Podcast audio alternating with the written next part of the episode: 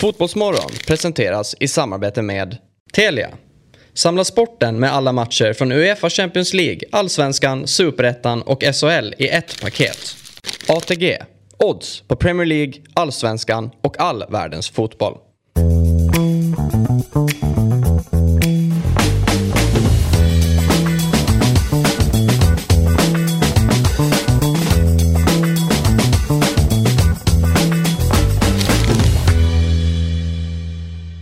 Morgon ska ni vara, eller god morgon på er och välkomna ska ni vara till Fotbollsmorgon. Idag eh, ett pärlband av gäster, bland annat prisbelönte kulturjournalisten Gunnar Bolin, Dagens Nyheters sportkrönikör Johan Esk, Samuel Lidsholm är här, Peder Gustafsson ska vara med och berätta om det senaste från Indonesien, Noah Bachner från Expressen kommer hit och ska prata om fotboll. har jag eh, förstått. Och sen så Linn Nordström från Sportbladet som har, eh, har rest igenom hela Europa tror jag. Eh, tillsammans med Erik Niva. På en sån här fotbollsresa. Bland annat om det ska vi prata. Och sen så kommer eh, vi prata med Andreas Georgsson, sportchef i MFF. Det stormar ju där nere. Mm, det gör det. Eh, och folk är lite eh, upprörda. Mm. Eh, välkommen först till dig Tack Samuel. Ehm, det ser ganska bra ut nu för, för er. Det gör ju det. BP-spelaren. Precis. Snart allsvensk. Ja, det hoppas vi ju på. Mm. Eh, men ja, det är få matcher kvar och det ser onekligen bra ut. Ja. Vi får väl se till att ta det i mål. Härligt. Eh, prisbelönt kulturjournalist eh, Gunnar Bolin. Hej. Hur är din relation till fotboll? Den är väldigt stark. Eh, Jag har årskort på Friends, jag är medlem i AIK. Jag ser så många matcher jag kan. Jag har lyckats få eh, jag har tre barn, man kan väl säga att i alla fall en av dem är eh, ungefär fanatism på pappas nivå. Mm. Men alla är gnagare. Så att, eh, Och sånt märks ju sen när det är dags för arvsskifte och sådana saker. självklart. Ja. självklart. De Ja. har lite tid på sig hoppas jag Ja. att ändra sig. Ja, visst. Johan Esk, Ja. krönikör, sitter här och är lite trött och det är ju tennis då. Exakt, kom hem väldigt sent efter att ha sett Leo Borg göra en imponerande match och vinna.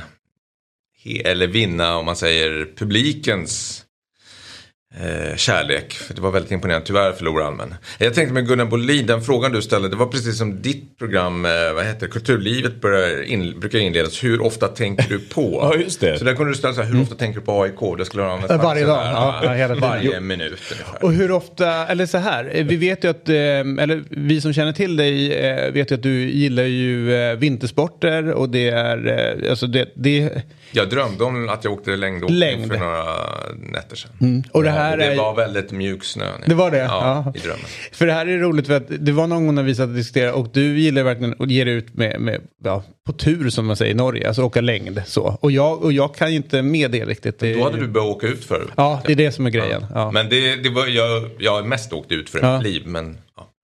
Utför är ju, eh, ja, det är ju farten och så här.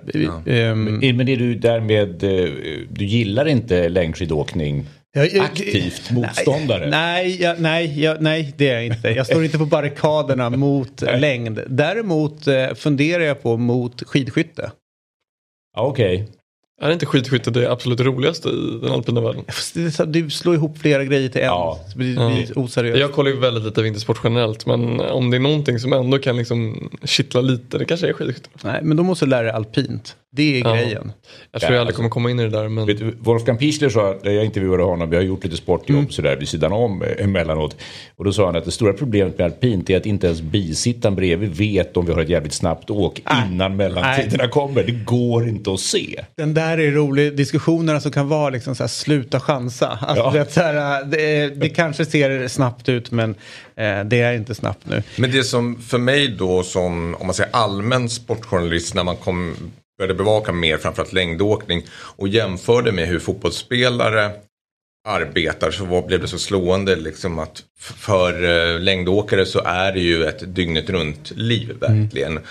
Och så träffar man, det här var ju framförallt kanske då i början av 2000-talet när man pratade med fotbollsspelare. Då var det liksom någon träning, sen gick man och fikade. Det var rätt intressant att höra. Men nu pratas det om när Martis Fuentes i Hammarby gör något revolutionerande. Att han, de har spelarna på Årsta hela dagen. Man känner att ja, varför inte? Exakt. Och, och, rent generellt så är det ju om man ska liksom jämföra olika sporter så är det ju att um, Inget ont om dig. alltså de som är längst ifrån och har liksom ett, ett vett, vettig liksom relation, om man, antingen till media eller till, eh, ja, till sitt, sitt utövande så ligger ju ni längst ner på, på listan känns det som. Alltså väldigt möjligt. bortskämda. Ja så är det mycket möjligt. Jag eh, har faktiskt när jag var liten så spelade jag alla sporter och älskade alla sporter. Nu är jag extremt begränsad i bara fotboll så jag har dålig koll egentligen på hur bra de andra är i, i media eller hur, hur bortskämda eller inte de andra är men, eh, men det förvånar mig inte.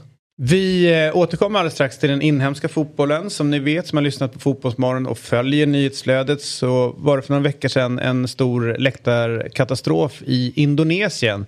Eh, över hundra personer döda, ett antal hundratals skadade i den här eh, läktarkatastrofen. Där polisen fick mycket kritik för sitt hanterande genom att eh, spruta in tårgas som ledde till panik där många då klämdes ihjäl.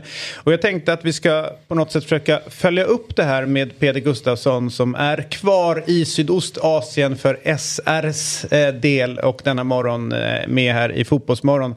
God morgon Peder! God morgon på er! Vad är det senaste runt eh, läktarkatastrofen och eh, det, den utredning egentligen då som skulle eh, sjösättas direkt när det här hade hänt? Ja, men den första rapporten från utredningen kom för några dagar sedan och eh, där visar det tydligt att det är polisen som har gjort fel i och med att man eh, sköt tårgas inne på arenan. Och i stort sett vad den här rapporten visar det är att polisen hade ingen som helst kontroll på vad man gjorde inne på stadion. Och det har visat sig att det var i, inne på stadion och runt om stadionområdet så fanns det nästan 2000 poliser och annan säkerhetspersonal. Och det är klart att där bland dem så finns det väl en del som inte vet riktigt exakt hur man ska bete sig. Eh, utöver det så här långt så har man eh, åtalat sex personer. Det är både poliser och arrangörer som har arrangerats för att, eller äh, åtalats för att man har eh, Eh, inte lyckats hålla sig till standard när det gäller Fifas regler när man ska arrangera fotbollsmatcher. Och så igår kom eh, Indonesiens president Joko Widodo med det kanske lite överraskande beskedet att stadion där matchen spelades, eh, han stadion den ska rivas och ersättas med en helt ny stadion som då ska följa Fifas säkerhetsregler punkt och pricka.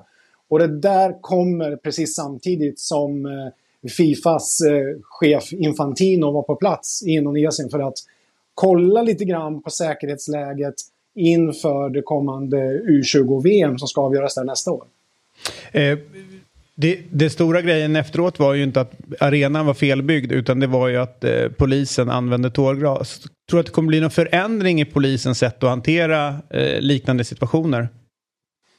Ja, det, det, måste det bli. Eh, den vrede som finns i Indonesien mot polisen och deras agerande under den här matchen, det, är, det går nästan att ta på. Och dessutom är det så här att bara för att ni ska få lite bakgrund så är det så att den indonesiska polisen har under flera år dels varit, på något sätt har de alltid jagat fotbollsfans och liksom nästan muckat lite grann med eh, supportergrupperna. Och utöver det så har den indonesiska polisen ett rykte i landet som är, alltså det är under all kritik om vad folk tycker om polisen. Så därför så är man nu väldigt på polisen och de måste göra någonting för att dels måste de bygga upp förtroendet hos fotbollsfansen men också hos folket överhuvudtaget. Så att någon förändring måste ske. Mm. Härligt, tusen tack för den rapporten Peder. Eh, och eh, får vi ändå säga ett kraftfullt eh, agerande, riva arenan. Eh, det, är, det är lösningen på problem, problemet där borta. Eh, tack så mycket för den här gången Peder. Se höstens bästa matcher med Telia Sportpaket. Du får allt från Champions League, Allsvenskan, Superettan och SHL på ett och samma ställe. Telia Sportpaket ger dig all sport från Telia och Simor, inklusive Allsvenskan och Superettan från Discovery+. Förutom alla sporter, turneringar, ligor och matcher ser du också alla filmer och serier. Du kan även lägga till HBO Max utan extra kostnad. Och det bästa av allt, det kostar just nu bara 499 kronor per månad. Och du kan givetvis streama innehållet i apparna eller kolla på det genom Telias Superbox med 4K, wifi, Google Android TV. Så, höstens bästa matcher, bara 499 kronor i månaden. Älskar du sport? Skaffa sportpaketet på telia.se sport. Där ser du Champions League, Allsvenskan, Superettan och SHL på ett ställe. Tack till Telia som är med och sponsrar Fotbollsmorgon. Du, det är ju så att vi har fått en ny statsminister. Eh, han, eh, ja, officiellt, efter besökt kungen så är han numera officiellt statsminister Ulf Kristersson. Och eh, han berättade under gårdagen hur hans M, L och KD-ledda regering kommer se ut. Och det stod ju återigen klart att Sverige inte kommer att få en renodlad idrottsminister. Vi har nu suttit här och pratat ganska mycket om hur mycket fotbollen berör. Hur många som engageras inom fotbollen och så vidare.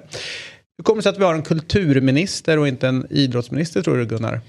Emellanåt har det inte varit en renodlad kulturminister heller, men, men frågan är, är intressant. Och jag, alltså, det är klart att det finns väldigt många som inte i, håller på med idrott som då säger att det där verkar sköta sig självt och vad ska vi hålla på med det där och det är bara en massa bråk och huliganer och annat. Men, men jag, menar, jag tycker att det är skandalöst. Jag tycker att man det är väl eh, Oskar Månsson på Fotboll Stockholm har skrivit jävligt bra om, om planbrister och sånt där i, mm. i, i, Stockholm. Hur svårt det är för, för eh, föreningarna att ens ha plats för alla som vill spela. Och man behöver inte vara utbildad socionom för att fatta att det, det är så viktigt med idrotten. Och det är ju det som snarare idrottsministern. Idrottsministern ska ju inte primärt se till att det blir bra tifon på, på arenorna. Utan idrottsministern ska ju se till att det finns möjligheter för idrotten att växa. Och också se vikten av idrott. Och då tror jag, eh, eh, risk för att låta lite eh, pompös där, men i, dessa tider med de problemen som finns med ungdomskriminalitet och med gängvåld och så vidare, så tror jag att idrotten är bara viktigare och viktigare och viktigare. Och jag tycker att det är rätt, när jag läste de här Oskar Månssons genomgångar, man blir ju jävligt upprörd över mm. hur hur det nonchaleras och nu har ju sossarna i Solna sagt att de ska eh, försöka se till så att det blir bättre eh, möjligheter för, för AIK att bygga ut och ha fler, fler planer. Är det valfläsk? Kommer det att hända? Är det något som man tänker att det där är många miljoner, det väntar vi mm, lite med, mm. det är nog inte så viktigt. Men, men jag tycker det är jävligt tråkigt att vi inte har en renodlad idrottsminister. Vad tänker du Johan? Nej, jag tycker att det är bra att vi inte har det. Jag tycker att det blir en tankevurpa där. För att idrotten går in i så många områden och en idrottsminister skulle inte kunna besluta saker själv. För det är frågor som ligger i olika departement. Om det nu är justitiefrågor eller om det är finansfrågor. Dessutom så finns det någon tanke om att en idrottsminister skulle liksom peka ut riktningen åt idrottsrörelsen. Men det får en idrottsminister inte göra för då blir det ministerstyre och det får man enligt internationell idrott inte syssla med. Vad Sverige däremot behöver det är ju Eh, jag tror också det finns en risk att om vi fick en renodlad idrottsminister skulle statusen vara så låg så den personen skulle stå där och knacka på dörren hela tiden. Hallå kan vi få komma in här, vi behöver prata om det och det. Nej men vi har inte tid om det, det, det, det är någon annan viktig grej i budgeten. Däremot behöver idrotten en sjukt stark minister som driver idrottsfrågor. Och högst upp behövs det en regeringschef som förstår idrottens viktiga roll i samhället. Och vår vän Christ Andersson har ju redan gjort gigantiska självmål på det för det här haveriet som var i fredags när man lite ad hoc kastade ut sig att vi ska satsa på de största ligorna i hockey och fotboll. Ja, och sen då... Eh, Om man bara stannar där, vad är, vad är det som du går igång på just att de ändå går ut och pekar ut att det, vi tror att det är bra eh, att vi satsar på de högsta ligorna för att de är någon form av lok, är väl deras tanke eller? Jo, men det väckte den naturliga frågan, hur då? Mm, ja, okay. Eh, ja. Och Forssmed och Jakob Forssmed då, som blev idrottsminister, han fick ju den i knät igår och han sa ju mer eller mindre ordagrant att det där var ju bara något de sa. Det var ju slags populistisk pajsmet som blev liksom eh, politiskt självmål. Och det pinsamma med det, det tycker jag med att om vi är nu Idrottsrörelsen har tre miljoner och då är det ungefär tre miljoner som har engagemang i idrotten. Om det står då några politiker och är så slapp pratar så slappt om idrotten då riskerar man ju att tänka att jaha, men är de lika slappa på andra områden som de ska vara bra på? Mm. Men tror du då inte om, om, om, man, om de skulle ha en idrottsminister, det är det man drömmer om alltid med. Jag menar kulturministern visste ju ingen vem Parisa Liljestrand. Nej. Det var ju inte precis att man sa. Jag har "Oh." en, en Men den väldigt- grejen som du och många efterlyser med en idrottsminister, det är ju precis det jobbet en RF-ordförande ska göra, en SOK-ordförande ska göra, fotbollförbundets ordförande ska göra. Så, och då blir det så att vad ska RF-ordföranden göra om man har en idrottsminister? Och då riskerar det bli ett, det där ministerstyret vi inte får ha. Fast det, det är Ja, uppenbart, jag tycker- tänker jag jag, ett, ett problem med... Eh, för det är, så, det är så lätt att man bara landar i just idrott. Men om man breddar det till folkhälsa, alltså hälsos, hälsoaspekten. Eh, och ser liksom att vi måste göra någonting åt ohälsan i landet. Och, och liksom att man bundlar ihop det, elitidrotten och bredden, hälsa, eh, sjukvård. Alltså att det ligger någonstans där. Känner jag att man...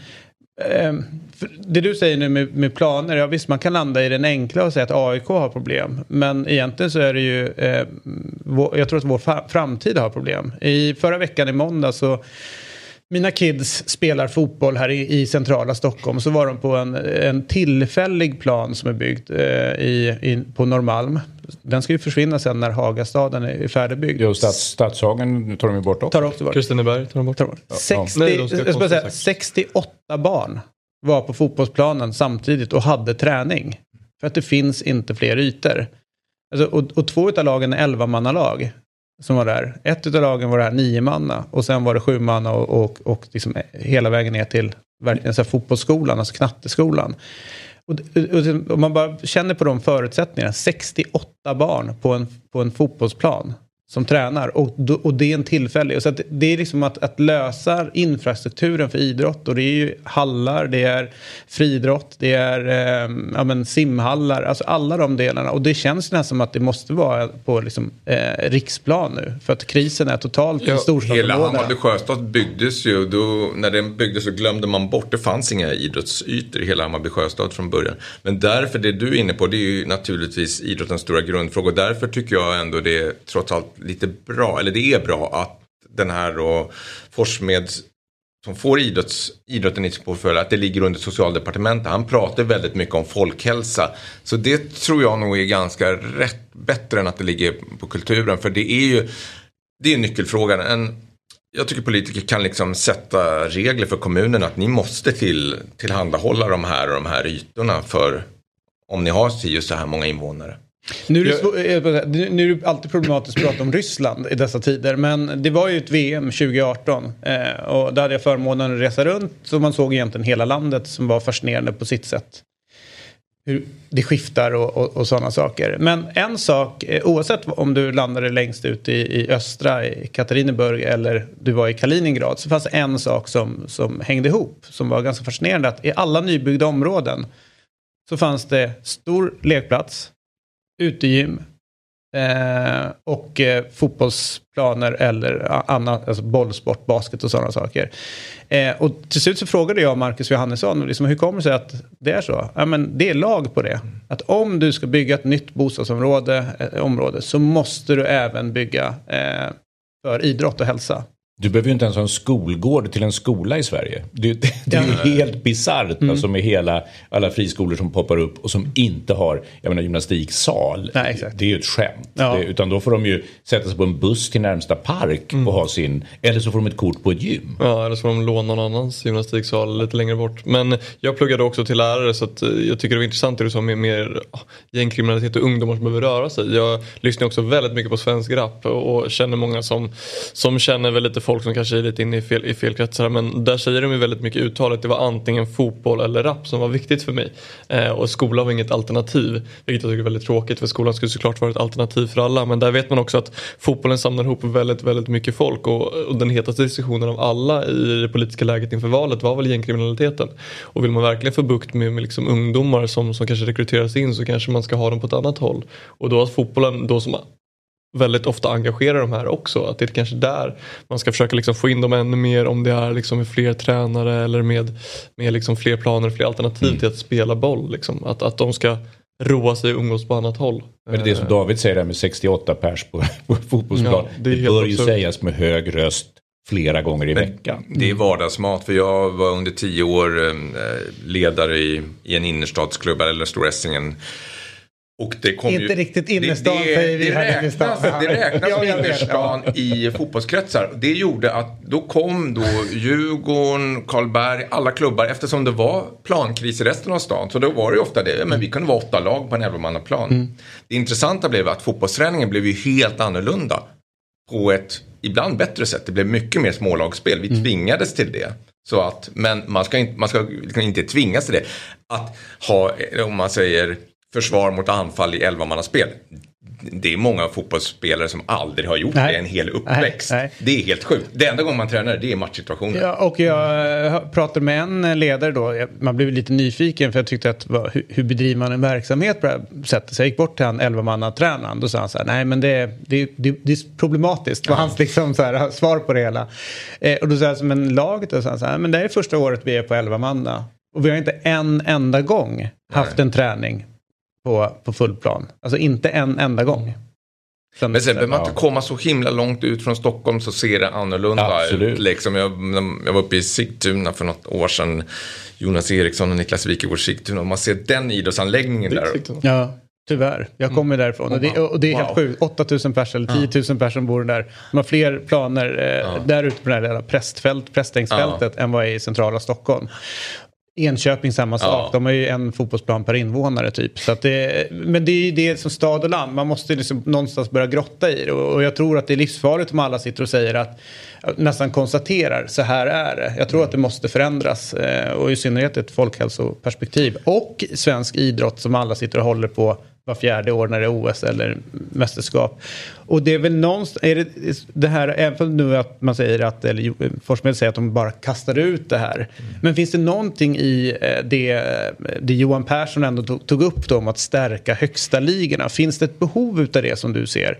Eh, för högsta ligorna, är, kanske inte då politiskt liksom inblandade, men, men har de någonting? Mm, har de spanat Jo, fram men det ska Måste inte stärkas? politikerna. Vad ska politikerna göra? Jag kom på en grej. Det är ju så, du kan ändra skatteregeln, ändra artistskatten kanske så du kan ta hit utländska spelare på ett annat sätt. Annars har jag svårt att se hur ska politikerna göra fotbollsallsvenskan starkare? För det handlar ju om att få in mer pengar i den ligan. Jag har väldigt svårt att se det. Vi har väl redan eh, skattelättnader för utländska spelare. Jo, jag vet, men om det skulle bli ännu Mm. mer. Mm. Liksom, det var typ så. Ja. Annars har jag svårt att se det. Sen visst, alla vill väl att allsvenskan ska bli, bli mer slagkraftig och att hockeyn ska bli, men då, då pratar vi mer kanske göra arrangemangen ännu mer säkra. Men det känner man också, där jobbar ju klubbar och polis mycket och kanske trots allt åt ett bra håll, även om det har varit en backlash i år. Så sätt.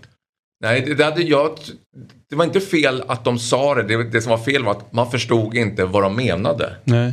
Vad var syftet med det där? Det visade sig att det var inget större syfte. Utan... Nej, rolig grej. Ja, en skön Sparka grej att lite på. Janne Andersson. Exakt, Ja, det kom lite också Ja. out of the blue.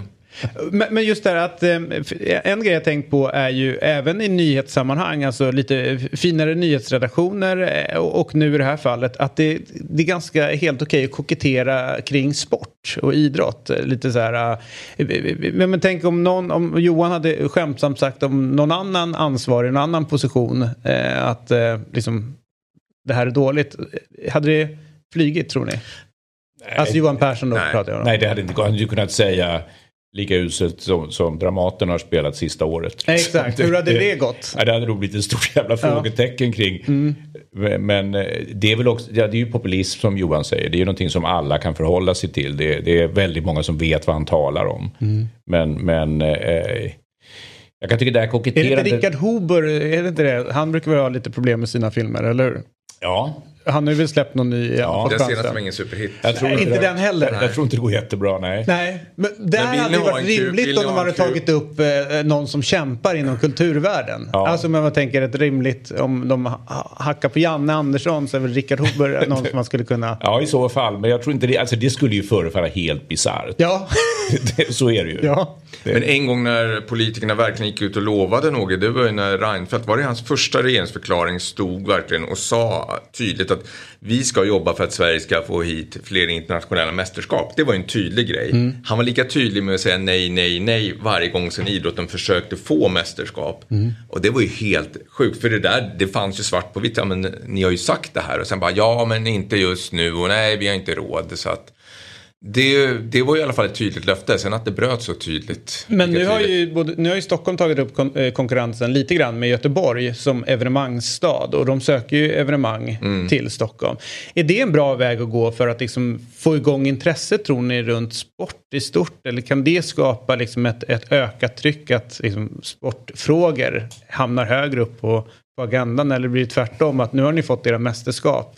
Alltså du behöver inte göra någonting. Det verkar ju inte så. Man tänker det enorma eh, ökade intresset just för, för fotboll och fotbollsallsvenskan. Och, och jag menar, där, där vi befinner oss idag hade ju förefallit helt omöjligt för 20 år sedan. Eller ännu mer 30 år sedan. Och det är ju trots att, jag menar okej, okay, EM 92.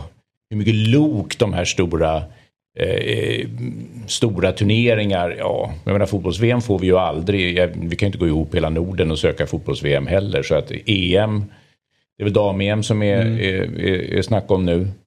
Vi kommer till handbolls-VM i Sverige och där ska det spelas en hel del i Stockholm. Ja, och jag ja. tror ju ändå att det där är bra. Det engagerar, man ser bara liksom vad de här stora loppen, det kan vara Lidingöloppet, Vasaloppet, vad det gör med de lokala föreningarna. Du tvingas engagera dig och du märker då att det är kul att engagera sig. Mm. Liksom att det är... Men det är ju också intressant, det är ju en helt annan diskussion med de här sporterna där landslagen är väldigt stora men där man har svårare att få riktigt mycket publik. Alltså i storstäderna, men det finns ju Kristianstad och andra ställen där, där handbollen då går, går otroligt bra. Men sen finns det ju sporter där, där jag menar, det, man kan se på längdskidåkning om man skulle sända ett SM i längdskidåkning jämfört med de enorma tv-siffrorna som det är mm. när det är eh, mm. kupper på vintern. Ulricehamn har ju lyckats med någonting, för de har ju jättemycket folk. Och liksom där finns det ett, ett område där det finns ett intresse men de har också skapat ett evenemang som gör liksom att, att folk tilltalas och det är jättemånga som åker dit. Eh, men, eh, och sen är det klart att om man börjar liksom pinpointa alla som står längs Vasaloppsspåret så blir det många. Men jag tycker det är intressant rent generellt det där med eh, att vissa, klubbar, vissa sporter inte flyger i vissa distrikt. Men, men, men på landslagsnivå alltid nästan har, liksom, eh, eller på tv, så många som tittar på. Men det Gunnar är inne på med landslagen, det är ju damfotbollen jag har tagit upp det, jag jämförde damfotbollen med lite handbollen. Sådär, att det är otroligt stort drag runt landslagen när det är mästerskap. Men i seriespelet så, så blir det inte samma tryck. Där det lunkar på. Liksom. Ja, i eh, damallsvenskan finns ju ändå förutsättningar med att liksom Hammarby, AIK, Djurgården nu och även BP uppe. Eller sådär, liksom det skulle kunna bli, men det ligger så långt efter. Medan däremot när damlandslaget spelar, då är det liksom minst eller kanske ännu större intresse än när herrlandslaget spelar. Mm. Och det behöver ju inte vara fel utan det kanske bara är att ja, i vissa sporter så blir det landslaget. Kan det inte hänga ihop också med att eh, på, på damsidan eh, så, ja men klubbar som var bra när jag växte upp Älvsjö till exempel. Ja, men de finns ja, inte. Vitex, ja, men de finns men de är inte där uppe. Att i, i, i herrfotbollen så har man haft en relation med topplagen under så pass många år. Det har skapats en rivalitet mellan klubbarna på det sättet att det kanske, slarvigt sagt, rättas till nu när MFF är på, väg upp, Blåvitt är på väg upp, Elfsborg är på väg upp, eh, alltså att Norrköping är på väg upp. Så att det blir klubbar som går upp mot varandra som vi känner igen. Alltså vi, vi vet var liksom rivaliteten ligger här. Jag har svårt att se liksom konfliktytan mellan Eskilstuna och Vittsjö. Alltså den, jag förstår inte om, de, om det Nej, finns. Vittsjö är inte så, jag vet inte hur många invånare Vittsjö har. Nej, exakt. Det är fantastiskt men, att de spelar ja, där de gör. Ja, men de spelar där de gör och då blir man så här, vad, vad, vad är det som vad är det som kittlar runt, mer runt klubben? Och jag tror att det, det är rätt många sporter så tror man att det är sporten bara som har gjort sporten stor.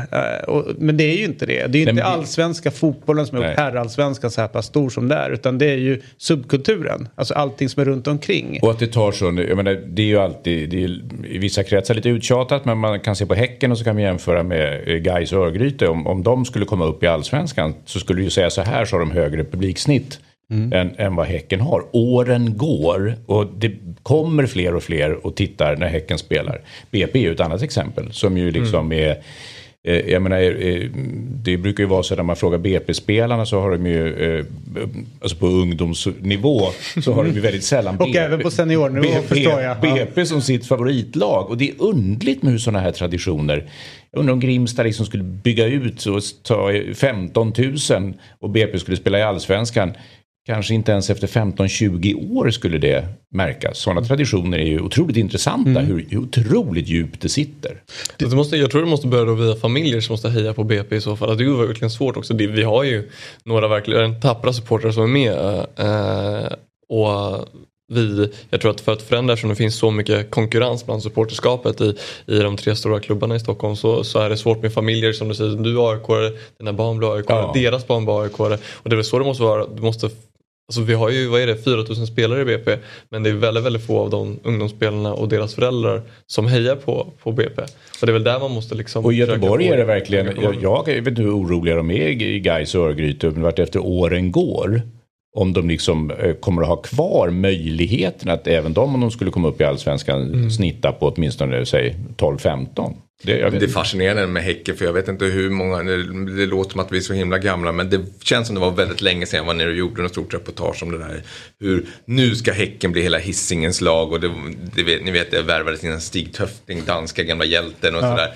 Men vad svårt det är för dem att få det att flyga ändå. Ja, liksom. det är jävligt De har spelat bra fotboll, haft en bra organisation, goda pengar, goda cuppengarna i ryggen och sådär ändå. Men jag tänker på det här med BP, det är väldigt fascinerande för på ungdomsnivån då är ju BP liksom den stora rivalen för väldigt många. Laget alla vill slå, alla har en relation till, lite hatkärlek till och så blir det på seniornivå, då bara dör de mm. känslorna. Ingen bryr sig. Nej, det är väldigt fascinerande. Ja. Liksom att, ja.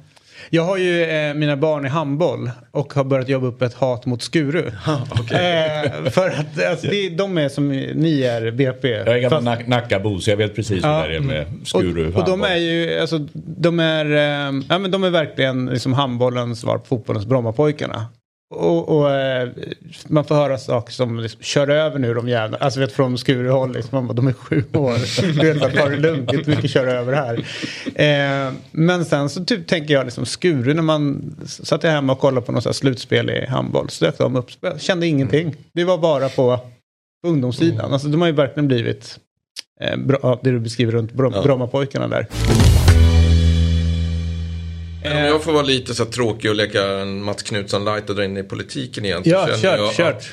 Det verkar inte vara riktigt heller, och, vad ska jag säga, fint, men att någon politiker verkligen står upp och pratar om att jag tycker idrott är väldigt viktigt. Liksom. Och att prata om, och det, det tycker jag är synd. Det skulle man vilja se mer. Jag menar, vi har haft väldigt idrottsintresserade politiker, Thomas Bodström. Men jag tror man får gå tillbaka ganska långt bak i tiden när det fanns då sådana som var så kallade idrottsministrar som, som drev. Men det skulle jag vilja se. Liksom, att Folk som vågar verkligen... Nu är det så här lite, ja, jag gillar att spela eh, innebandy på fritiden. Och som, som vi pratar, då ska det vara lite putslustigt. Mm. Men att säga att, ja, men för mig är idrotten viktig. För mig och min familj är det superviktigt. Och därför är det viktigt för landet. Det skulle jag vilja höra mer tydligt. Liksom. Mm. Och Ja, ja, ja det, Varför intrycken det, av, av Jakob Forssmed, de är i grunden positiva. Men problemet är ju hur mycket tid kommer han ha för idrottsfrågorna. Men varför tror du inte att det är någon som gör? Alltså... Väldigt bra fråga. Jag tror vi är tillbaka till det, det I Sverige så har det inte setts riktigt liksom eh, Viktigt, liksom fint. Och kanske i grund och botten är det här med att vi inte, vi, vi, vi står på två ben. Vi ska vara bredd, vi ska vara elit, vi ska vara folkrörelse, vi ska vara industri. Och då blir det lite kanske, vilken del vill vi driva?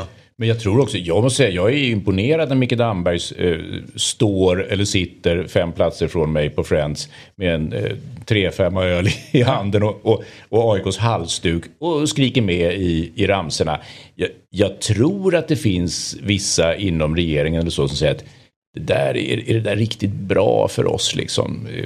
Att man, att man är fan och verkligen, han har ju intervjuats, jag kommer inte ihåg om det var Vår Värld eller Söndagsintervjun, men han har intervjuats om, om sin, sitt, alltså hur viktig fotbollen är för honom. Mm. Ygeman som också var idrottsminister mm. under en period är ju också liksom djupt nere i sportträsket Eh, han landar in i det andra laget i stan då.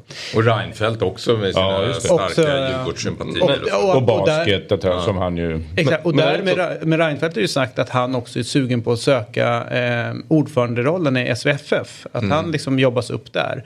Skulle det på något sätt, om det blir en före detta statsminister som landar in i, i Svenska Fotbollförbundets styrelse eller ordförande där. Skulle det kunna öppna upp att liksom, intresset för frågorna bli större? Kanske, alltså det är ju alltid bra att få in kända namn. Jag menar Karl-Erik Nilsson var ju en kommunpolitisk pamp. Liksom. Förvisso, men från Emmaboda. Jo, Ingen visst, bryr sig om men, Emmaboda. Men han kunde reglerna. Men det är ett väldigt intressant spår det här med att just nu, nu igår hoppade Mats Enqvist av också. Så mm. då är det alltså en ledig post eh, som generalsekreterare i SEF. SOK söker två höga ledare Eh, fotbollförbundet söker ledare. RF. RF söker ledare. Så att det är bara liksom, ja men vi, vi sitter fyra här, där har vi fem jobb. Vem, vad ska man ta? Kom och plocka på dem. Ja, ja exakt. Seff vore rätt smutt att ta ju. Ja, det tror jag. Ehm, och kanske det som är eh, lättast att styra utav, utav de där. Eh, sitta som ordförande för RF, jobbigt. Och försöka få Kämpigt, upp det. Eh, och Mycket diplomati. Ja, och fotbollsförbundet eh, sitter med också rätt mycket i knät på distrikten. Ja. Alltså att eh, man måste förstå i den rollen att där sitter man inte för eliten utan där är det för fotbollen i stort. Exakt, och det är det som gör svensk idrott och fotboll fascinerande trots allt. För att om vi är tillbaka till en fråga som är jättestor i Emmaboda, det kanske inte är det som är flygande bengaler på Tele2. Nej.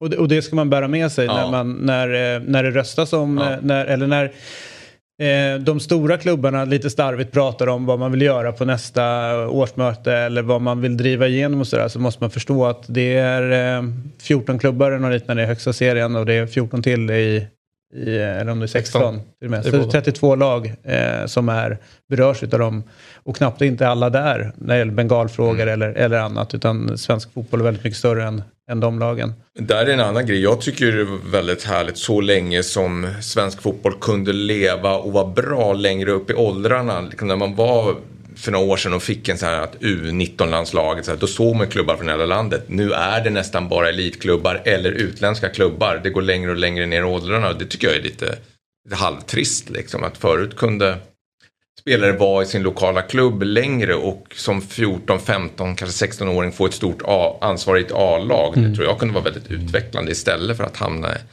bara bli en del av ett, av ett, liksom ett större liksom, fotbollsmaskineri. Jag vet inte vad du, vad du, du, du Nej, har, alltså- spelat, har du spelat BP hela tiden? Nej, jag spelat BP hela tiden. Eh, Djurgården också. Ja, eh, som ungdomsspelare. Men det är stora Eh, klubbar du har varit i? Ja, eller? jag, jag är från Åkersberga så började Ja. IFK Österåker då, som heter. Men där var jag fram tills jag var kanske 10.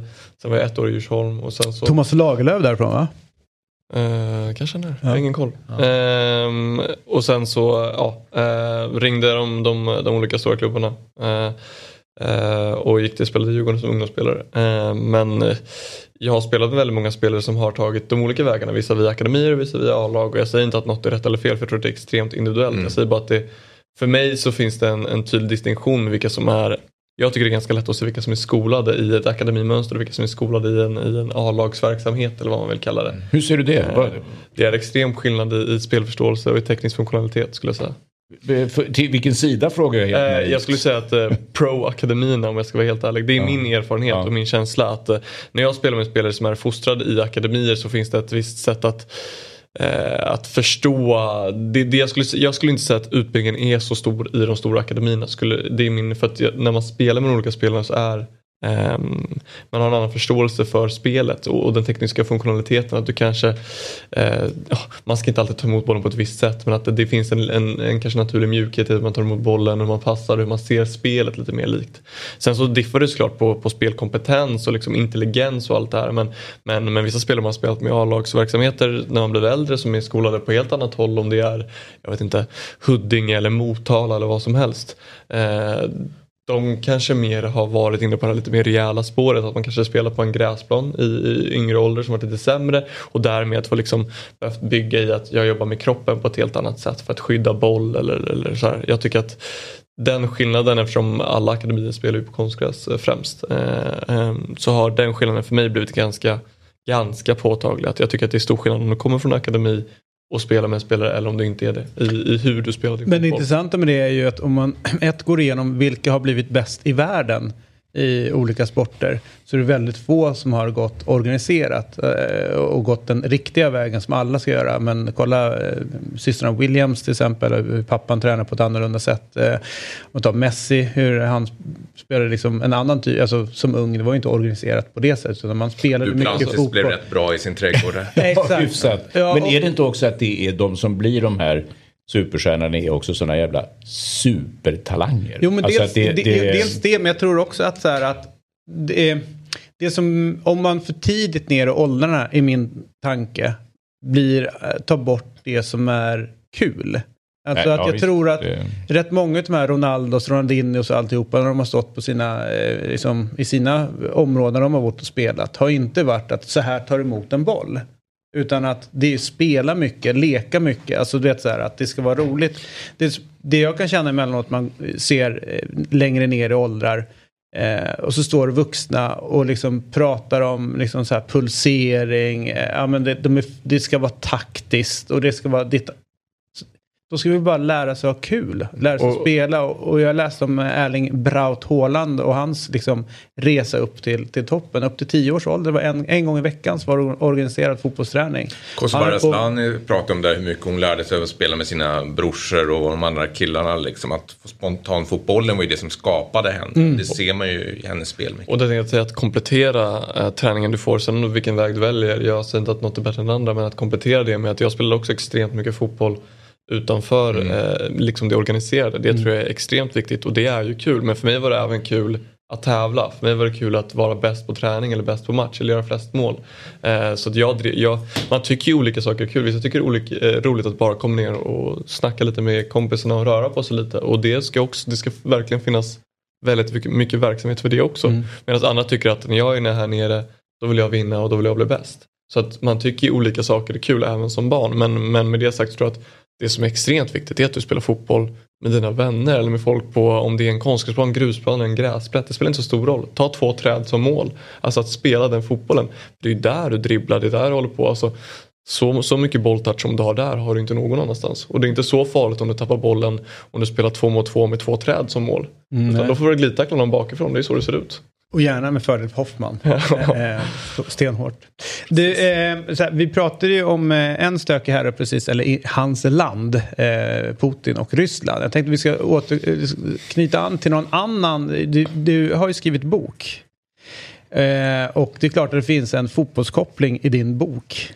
Ja, det, på några ställen lyckades jag. Det, det är ju en Boken heter Bibliotekarien i Magdeburg. Det är eh, vad säger jag, kåserier, essäer från min eh, tid som, som journalist på Sveriges Radio. Mm. Jag vet inte om du tänker på Hitler och yes, hans... Eh, ja. Det, det, var, jag var ju krönikör då på fotbolls-VM i, i Tyskland.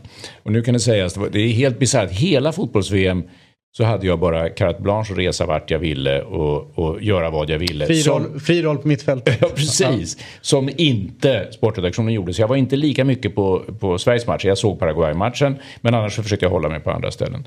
Och då var jag bland annat i Nürnberg. Och Nürnberg var ju lite taskiga eh, såna vibbar vad det gäller nazisterna med partidagarna. Det var där de gick i de här snörräta leden och det var koreograferat i mass grupperingar och det var ju Albert Speer, arkitekten, som hade ritat eh, hela stället. Och, och, där var då det match mellan Iran och Mexiko, då skulle jag skriva en krönika. Och då, eh, eh, man är ju tacksam att internet finns och då körde jag runt där på internet ett tag. Då upptäckte jag att Hitler hatade fotboll. Mm. Det är ju kul när man själv gillar fotboll. Ja, jätteroligt. Är man glad. Och det var ju för att Hitler skilde då väldigt hårt på, på, på eh, alltså det som var den engelska överklassens lekar. Och det var det värsta han visste. Det skulle, det skulle, vi fan inte hålla på med. Utan vi skulle hålla på med boxning, i och för sig, det håller man på med en del i England. Men det skulle vara gymnastik, väldigt snygg gymnastik. Och det skulle vara friidrott. Det där jävla springandet efter en boll. Alltså det var ju helt ointressant. Och det gick ingen vidare för tyskarna då i OS 36 heller. Men, men det blev ju en då, då kan man liksom fundera lite kring detta. Vad makthavare har liksom för förhållande till idrotten. Mm. Putins kärlek och inte minst Lukasjenkos kärlek till, till hockey och sånt där är ju eh, högst påtaglig. Väldigt påtaglig. Ja. Och jag var i Sochi när Putin kom in på invigningen på, på arenan där och alla eh, applåderar. Det var en helt bisarr utställning nere i Sochi stad. Det är sånt där jag letar efter när jag ska göra krönikor. Som handlade om staden och då står det så här med det, jag menar, I Putins Ryssland är man ju lika stolt över tsaren som man är över Stalin. Man är stolt över allt, allt där, Ryssland, är, ja, där Ryssland var stort och starkt. Storryskt är ja, bra, allt, och då står det liksom att ja, här har de stora makthavarna åkt på semester. Nikolaj den andra, Josef Stalin och Vladimir Putin. Mm. Liksom. Det, så de, helt, obe, helt obesvärat liksom att stå i det. Alltså, mm. Och även hur han byggde upp sitt, eh, alltså det här var egentligen inte, det var inte mycket till område innan han bestämde sig för att nu ska vi spränga upp lite, spränga upp, lite ja, exakt, äh, järnbanor upp i, i, bergen. Och, nej, det var helt... Och så bygg, bygger sitt... Eh, för jag blev, eh, utan någon konstig anledning så blev jag fast i Sochi under VM 2018. Några dagar för mycket. Och då blir man så här, man måste börja åka runt och kolla. Och då blev jag så här, men tänk man ska försöka ta sig upp mot hans boning och se liksom, hur bor han här. Eh, jag Litet eller? Ja, det var ju, man jag kom inte så nära. Innan det kommer män eh, och liksom eh, ge mig, ja men du vet det där, eh, jag räknade till tre. Men Sen de här, mästerskap, de här mästerskapen Gunnar är inne på, jag har också intressanta män, kopplingar där liksom, med idrotten och nationalitet. För VM i Tyskland som jag bevakade hela, jag tycker det var ett fantastiskt VM att bevaka. Men det var ju första gången som De vågade visa, tyskarna vågade visa sin nationella kärlek efter kriget. Det var så här, efter några segrar så var det så här, kan vi börja vifta med Ja. tyska flaggan? Liksom? Är det okej? Det var väl också sista gången Tyskland firade en bronsplats. Ja, liksom bara, det här gör vi aldrig mer. Nej. Men sen var det från Sochi-OS ett starkt minne där. Det är när jag står på den här skidstadion där Kalla gjorde sin spurt och allt det där. Och så hör man plötsligt så här urvrål från alla bara. Och så bara, vad är det som kollar man på storbildsskärmen? Jaha, Putin står här på läktaren. Och det är det där man måste förstå när man liksom pratar sportswashing och allting. Att i vissa länder så är idrotten och de här mästerskapen, det betyder så mycket. Alltså, du var väl också på OS i Peking 08? Det var en helt otroligt märklig situation att ungefär fem minuter innan invigningen, det var ju ett presscentret var som eh, om man säger hela Stockholmsmässan. Plötsligt så bara töms allt och alla unga volontärer bara rusar ut och vi gick ut också för att stå och titta mot himlen. Och den glädje och stolthet de känner när de ser fyrverkerierna, det kan vi sitta och raljera över. Men alltså de, det var ju glädjetårar. Och då förstår man att okej, det är så här mycket ett OS betyder för citat den vanliga kinesiska befolkningen som har köpt statens propaganda. Det är det liksom vad, vad det är sportforskning Men för apropå mig. det, för båda ni har ju varit runt på, på mästerskap eh, och, och då blivit då att ni behövt resa till rätt stökiga länder. Och varje gång så har vi fått berättat för oss det här är bra långsiktigt för demokratiseringsprocesser och annat då.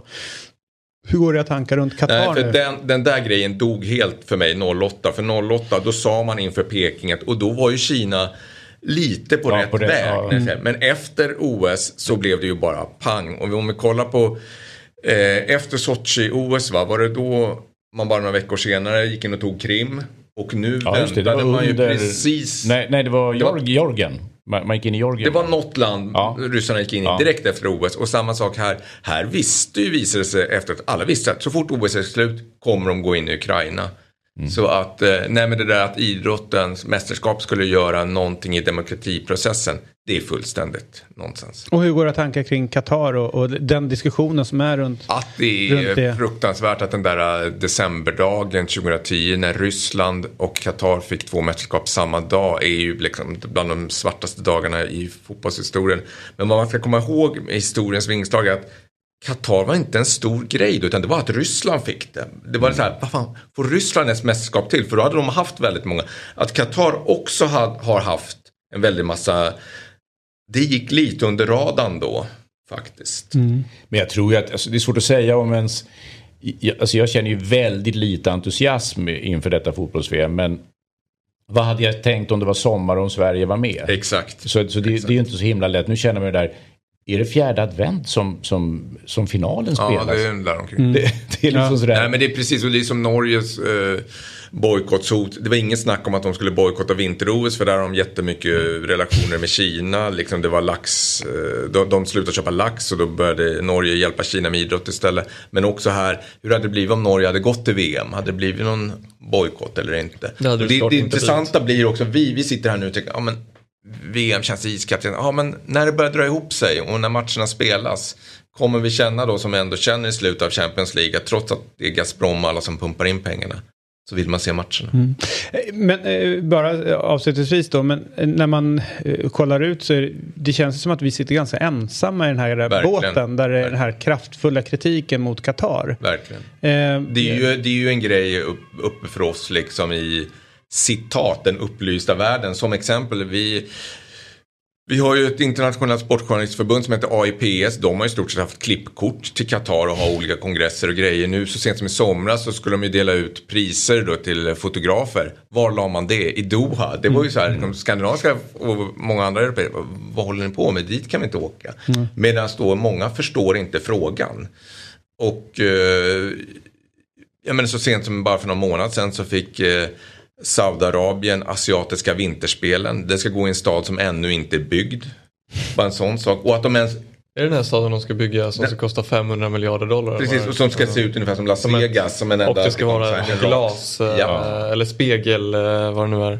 Och där inne ska det vara olika, ja, det ska vara någon lyxresidens. Har du sett den? Nej, jag Det hoppas är jag slipper helt, se det. eh, Ja. det ser helt sjukt ut. Mm. Fascinerande sidospår där. Den där mästerskapet ska ju gå 2027. Den har inte börjat bygga staden än. Jag åker varje dag förbi Lilla Essingen där de har ett bygge. Och då står det så här. Det ska vara färdigt 2029. Man känner bara okej, det är skillnad på länder på länder.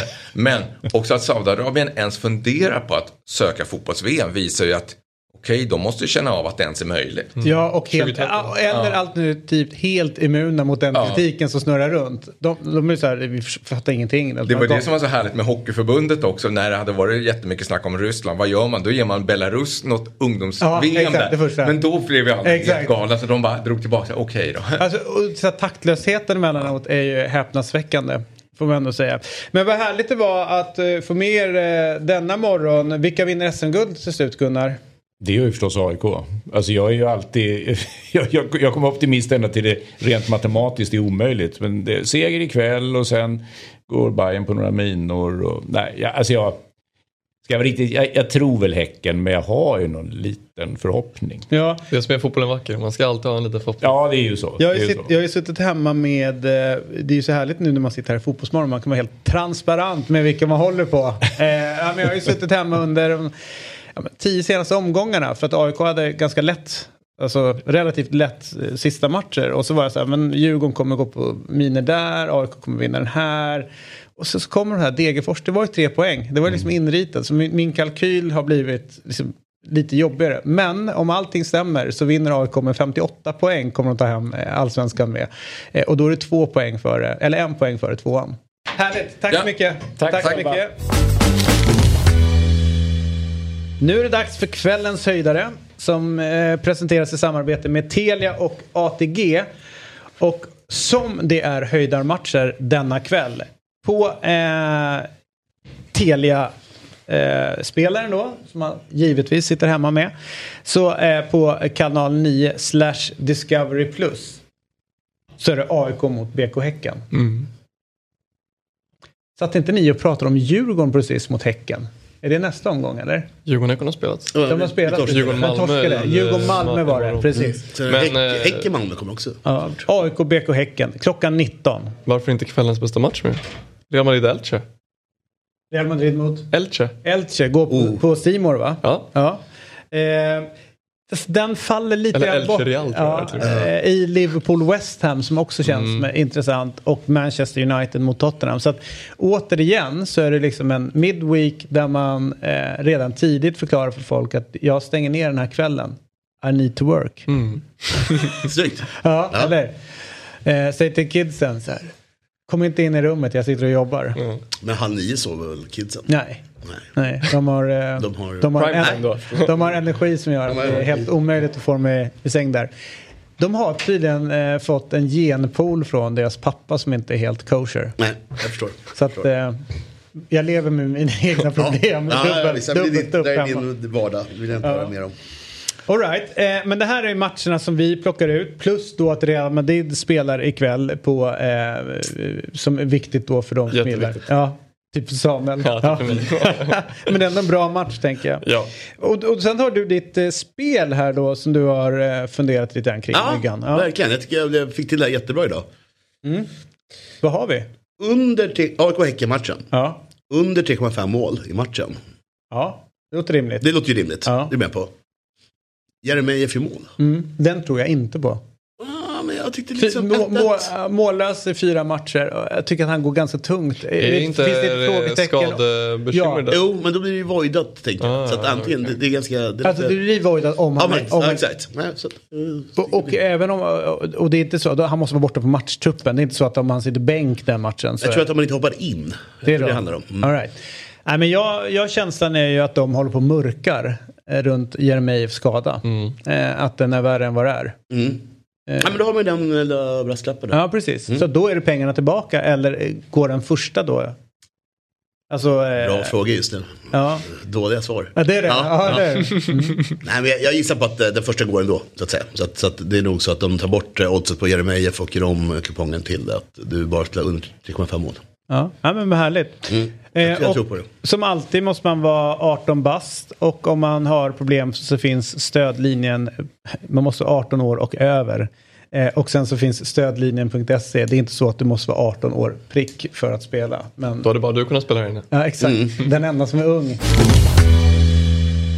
Kan vi väl landa in i någon form av nyhet igår från England att det ryktas om att eh, Steven Gerrard eventuellt är på väg att få kicken. Och Thomas Tuchel Ska han till Villa alltså? pratas det om. Känns som ett lite för stort steg ner även fast de har ju ett väldigt bra lag och de har ju ägare som investerar eh, både mycket och eh, ganska bra spelare kan jag tycka. Så känns det som ett lite för stort steg ner statusmässigt än, än från Chelsea eller? Eh, Åh fan. Jo men Ja. det är ju inte för att du är på Chelsea Nej, men, nej, men, men det är ju... men å andra sidan, så om man, om att man, snacka det som Juventus tidigare, det kan man ju ändå förstå i någon slags, någon slags liksom storklubbskontext. Att Mm. man går från PSG till Chelsea, Chelsea till Juventus. Så tippar man vidare i karusellen. Men, men ner till Villa, då, då går det ner några hyllor. Ja, det pratas ju eh, om att han även kopplats upp med, med det engelska landslaget. Eh, Det man ska säga om Aston Villa är ju att eh, de, de, de, de hör ju hemma i Englands näst största stad. Mm. Och sitter inne med den kanske vackraste utav exteriörer på en fotbollsarena. Mhm. Eh, som du kan se. Och eh, lyssna nu på min härliga övergång. Och apropå att resa och se mäktiga arenor. Så var de med på El Clasico. Exakt, så var Linn nere eh, på El Clasico i helgen. Eh, på en arena, Santiago Bernabéu, som är hur cool som helst, eller Mm, hur? Under ombyggnad. Ja. Men ändå, ändå eh, väldigt, väldigt mäktigt. Eh, för du reser ju runt på olika, sett, vad har varit den häftigaste liksom, upplevelsen? Eh, det, eh, tänker du nu när vi var i Spanien eller tänker du överlag? ja, överlag. Eh, vad, vi har, eh, vad vi har varit på? Eh, oj vad svårt. Det var ju coolt när vi såg Preston Blackburn Rovers. Det tyckte jag var, det var, kändes eh, jävligt äkta. Tänk att komma nyss från Clasico och sen droppa Preston eh, Blackburn Rovers som det coolaste.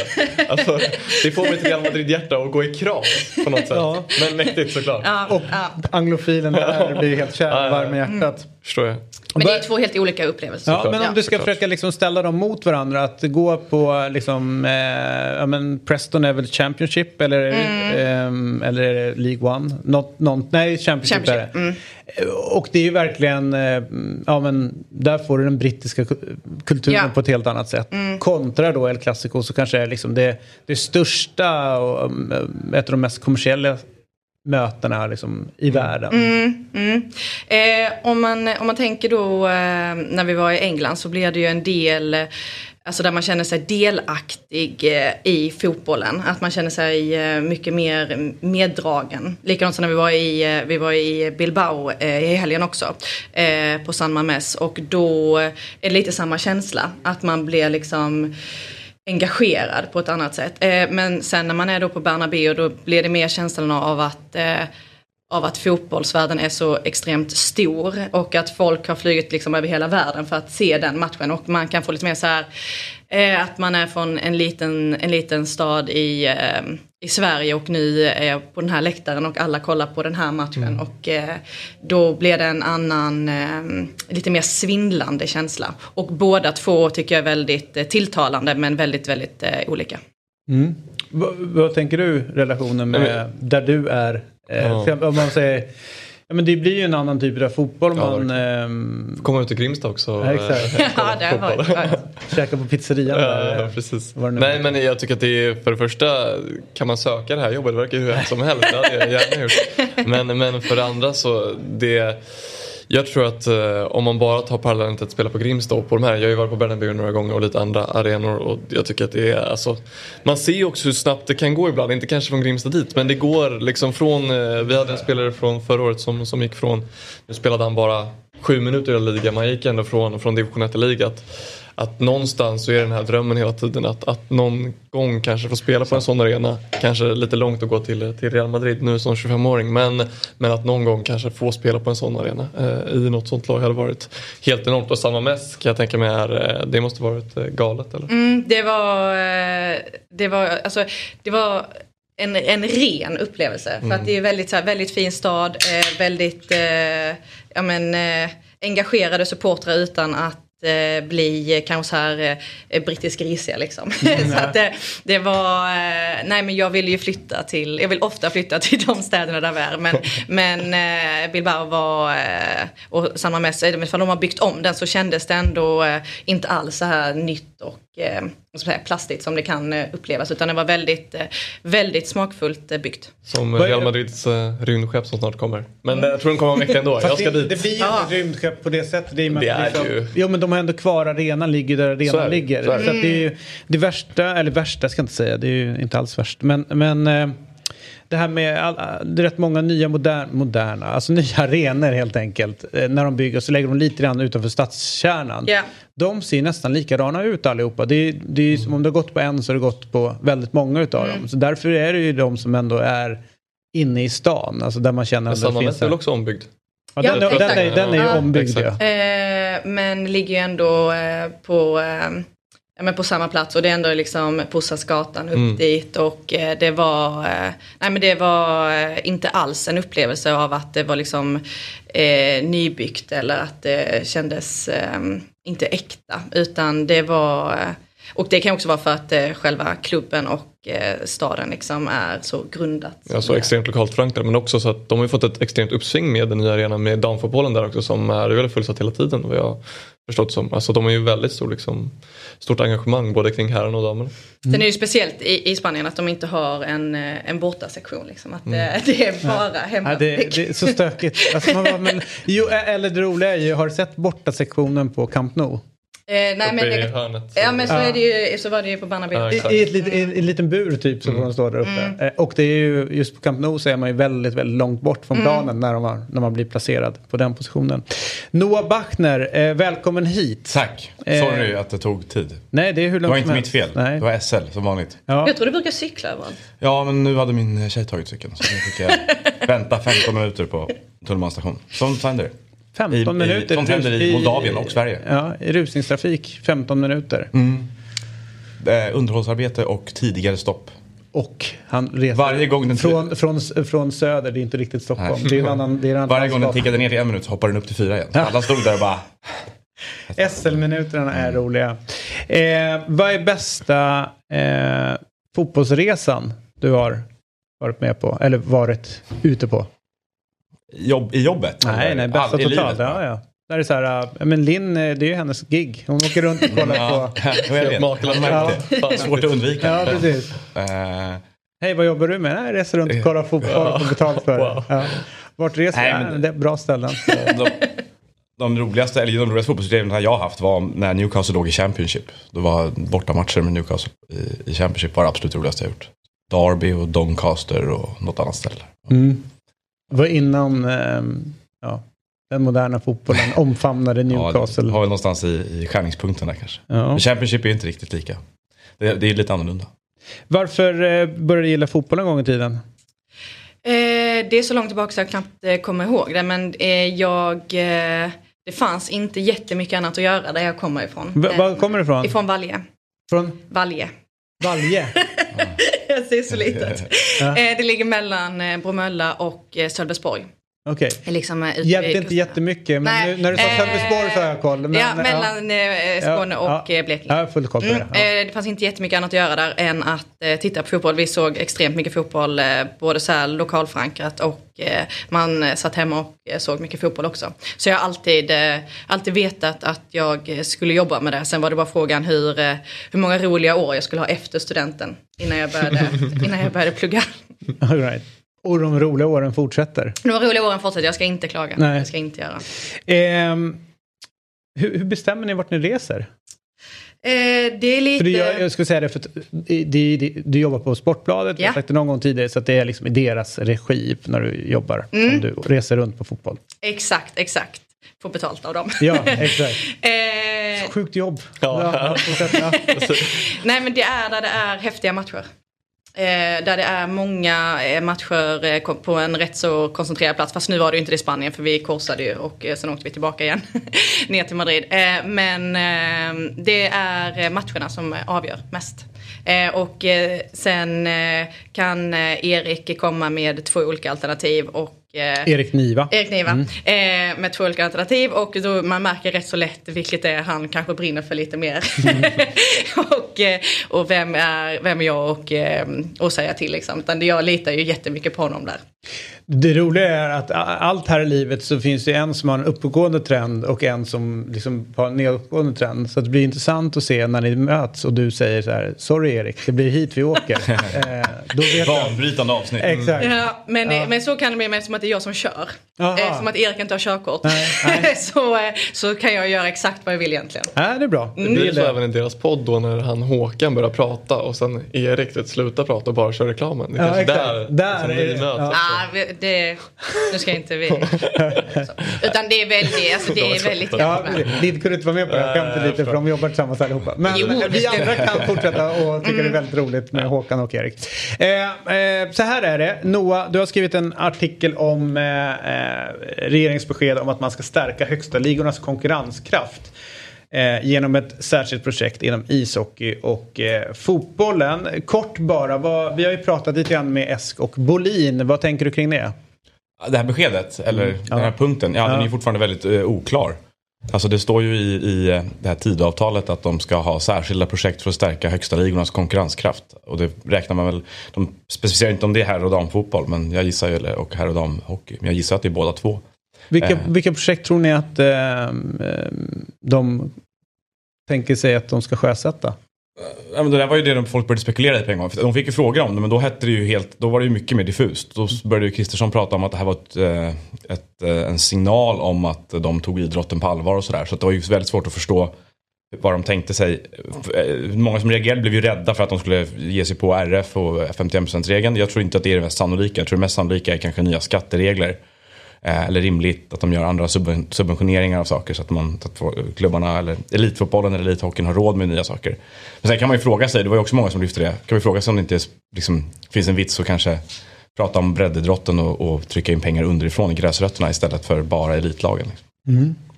Du, eh, vi började ju att eh, beröra det som hastigast lite grann att det kommer bli stora förändringar på, på olika positioner. Du tweetade om det igår om inte jag har helt fel. Ibland så är jag där ute. Mm. Eh, Innan du tar bort Innan jag tar allt bort och det. och drar det tillbaka. vet, vet det är så genialiskt gjort att radera sina tweets. Därför att jag hamnar inte i läget, så här skrev du för Nej. x antal år sedan. Nej. Men vad har du för brintid på tweetsen? Det kan vara en minut ibland. Va? Ja, ja. De bara, det är bara doppa tån? ja nej, bara Jaha. måste, ja, Det är som att spy inte, galla och sen ta tillbaka. Ja. Mm. Nej, men jag spyr väldigt sällan galla. Det är min grej. Jag är väldigt sällan dum eller taskig mot någon. utan det är positiva saker. Typ någon är ett geni eller, eller Nåja. så. Och det är ju någon Det som... var länge sedan jag spydde galla på... Det har jag slutat med. Ja. Eh, men du, att Mats eh, Engqvist kliver av. Mm. Vad tror du att det betyder för svensk fotboll? Ja, SEF Eller SEF, inte ja. svensk fotboll utan elitfotbollen här. Svensk elitfotboll har väl kanske, tycker jag i alla fall, gjort intryck av att funka bäst de senaste åren. Alltså de har vuxit starkt ekonomiskt och som organisation har en ganska stort förtroende bland klubbarna tror jag. Ehm, jag tycker även nu, de är ju liksom ehm, de har ju vuxit, vuxit ikapp sig själva lite grann och utvecklat en del grejer. Så, så jag tycker att de har haft en ganska hygglig utveckling under hans tid där. Ehm, han, är- den är, han är ju högste tjänsteman så att den som ersätter honom blir mest ansvarig för arbetet. Nu är Simon Åström ganska ny ordförande också. Men så måste man se det i sammanhanget också av att fotbollsförbundet ska byta ordförande och RF ska byta ordförande. Och här är ju liksom Och så hela... hörde jag nu två höga positioner i SOK också. Ja, det är det också. Ja, Ja. precis. Eh, och så får vi en ny minister med ansvar för idrottsfrågor. Så att det är ju såklart att det kan komma jätteförändringar. Men det, mer än någonting annat. Förbundet ska lägga en ny strategi nästa år. Jag tror att liksom den förbundsordförandens position är viktigast av allt. Jag tror att i SEF finns det ganska starka strukturer runt den som blir en ny generalsekreterare. Det är svårt att lägga om kursen med tanke på hur de har jobbat och vad det har, hur, hur det har gått för dem de senaste åren. Utan jag kan gissa att det liksom på, på ganska många sätt kommer fortsätta i samma riktning. Fotbollsbundet är det ju mycket mer. De, de, de hade ju en strategi som löpte från 2018 till 2022. De ska presentera en ny nästa år. Och de ska byta ordförande och SEF ska byta generalsekreterare. Alltså allt det här på något sätt innebär ju att det är, det är ett rätt, eh, jag skulle säga att det är ett rätt skört läge. Därför att det finns en hel del personer som är ganska oroliga för eh, processen av val av ny ordförande framförallt. Vad är det som är skört? Alltså i... Att det måste bli bra. Ja, men Sverige, vad, vad alltså- är de kritiska? Alltså, Nej, oron är väl att, är väl att det, är, eh, det pågår ingen eh, kampanj, ingen process för att välja en ordförande. Det, alltså det, det, det är ju ett gäng kandidater som finns någonstans i bakgrunden. Ingen person har ju uttalat att de vill ha positionen. Det är mindre än ett år kvar till valet. Och klubbledare man pratar med i Sverige är ju liksom, eh, säger ju att de vet ingenting om det här. Och jag kan ju sakna alltså en, en valrörelse. Alltså att någon lägger fram en vision och säger så här vill jag att svensk fotboll ska fungera framöver. Och därför borde jag bli ordförande. Men det, så är det ju inte. Varför tror du att det är så? Jag, tror att det, jag tror att det är fast. Jag tror dels att läget nu är med kandidaterna att de eh, en del av dem vågar inte säga att jag vill ha det därför att om de inte har stöd så måste de packa tillbaka sina nuvarande jobb. För det är ju många ändå som vill ha Ja, det. det tror jag absolut. Ja, det vore ju okonstigt annars. Det är ju den mäktigaste positionen i svensk fotboll. Och den andra grejen tror jag att det finns en del kandidater som är mindre kända. Som skulle de kliva fram nu och säga jag vill ha det. Så skulle de inte ha något stöd. För att folk skulle fråga varför ska du ha det? Så de skulle först behöva distrikten bakom sig innan de säger någonting. Och de andra är då att de behöver kanske veta att de har stödet innan de. Men det, jag vet inte. Jag, jag, är väldigt, jag tycker är väldigt konstigt som det funkar de här processerna. Att det är så himla liksom, mycket bakom stängda dörrar på något sätt. Att sen, sen kommer det någon kandidat och så är det förutsatt att alla ska rösta på den. Mm. Eh, Reinfeldts namn har ju dykt upp. Mm, det var ju framförallt i SEF-diskussionerna när Simon Åström valdes till ordförande där tror jag. Ja, och aktuell. för SVFF väl. Ja, jag har inte hört honom så mycket nu. Men Eh, Niklas Carlén, han, namn, hans namn figurerar. Ja, som är vd i MFF. Just det. Mm. Jag tänkte varför känner jag igen hans namn men... Jag tycker det är bra att vi bara slänger namn på dig. Eller ja nej. Bra val! Linn Nordström. Ja, namn. Figurerat. Figurerat. Figurerat. Hon Ja. har för bra jobb. Exakt. Ja, det är svårt att byta position. Tillbringar för mycket tid utomlands. Hon är aldrig där. Det är, Nej. Du, eh, vi ska alldeles strax eh, ringa upp Andreas Georgsson som är eh, sportchef i eh, MFF. Om ni ska börja liksom på något sätt försöka identifiera deras största utmaningar nu som, som klubb. Givet eh, ja, men, truppstrukturen, årets resultat i allsvenskan och så vidare och att de är på jakt efter en ny tränare permanent. Vad, vad skulle ni säga liksom är det som brinner mest? Det ni tycker är som det här måste de rätta till? Som klubb. Eh, börjar du så ska jag fundera på vad, vilket som känns eh, som att det brinner mest. eh, nej, de måste eh, bestämma hur de, hur de vill spela och därefter vilken tränare och vilken trupp de ska ha. Så allt då. Ja, typ. Ja, men det, är, om det en mesta är röd- ganska otydligt. En röd tråd i liksom Ja, hur de jobbar helt och hållet nu. Eh, sen så kan man ju tycka att de har gjort en viss riktningsförändring redan i år med de spelare de har tagit in. Men det har väl då inte riktigt gifts ihop med spelsätt och framförallt inte den gamla spelarkärnan i truppen. Så att, är det nödvändigt med en, med en total generationsväxling och väldigt många spelare in ut och ny tränare i vinter? Det kanske jag tror att det är, men jag gissar att han inte kommer säga det. Det är ju smärtsamt när man hörde Martin Olsson säga efter, eh, nu missade jag matchen här senast, men eh, när han säger att de istället för att hjälpa varandra sätter varandra i skiten eh, på planen. Det är ju eh, det är inte ett bra tecken. Nej, nej, det låter inte så, som att det rimmar så mycket mellan spelare eller någon annan. Nej, och liksom när vi går ut och säger att de, att de saknar teknisk kvalitet Mm. i sista tredjedelen. Det trodde man heller aldrig att någon i Malmö skulle, Nej, skulle er, erkänna. erkänna eller behöva säga. Nej. Nej, och det, å andra sidan så kommer det ganska oväntat tänker jag den här, den här dippen. Som det är. De vinner ändå eh, ja, men kuppen. Man tycker att de liksom förstärker bra, alltså vet de får in Kiese Thelin och de har erfarna spelare. Så att det, det, det känns... Eh, Alltså det är oväntat så tillvida att de är regerande mästare lägger 80 miljoner på nyförvärv. Ja, men det, Det är klart, ja, men det är oväntat att det inte går så ja, bra. men det, finns, in- det fanns liksom inte mycket i papperna som gjorde att... Ja, det, det, det, det, som talar för det är ju just att de, att de jag menar Göransson kom ju in och så gjorde de en omstrukturering av ledningen på något sätt. Och, det, och i och med det så verkar det som att de har gjort en strategisk omläggning också bakom. Och sen så syns ju den både i värvningar kanske och, och lite andra grejer. Och, sen, och plus att den här spelarkärnan som har varit bärande är ju faktiskt ganska gammal nu.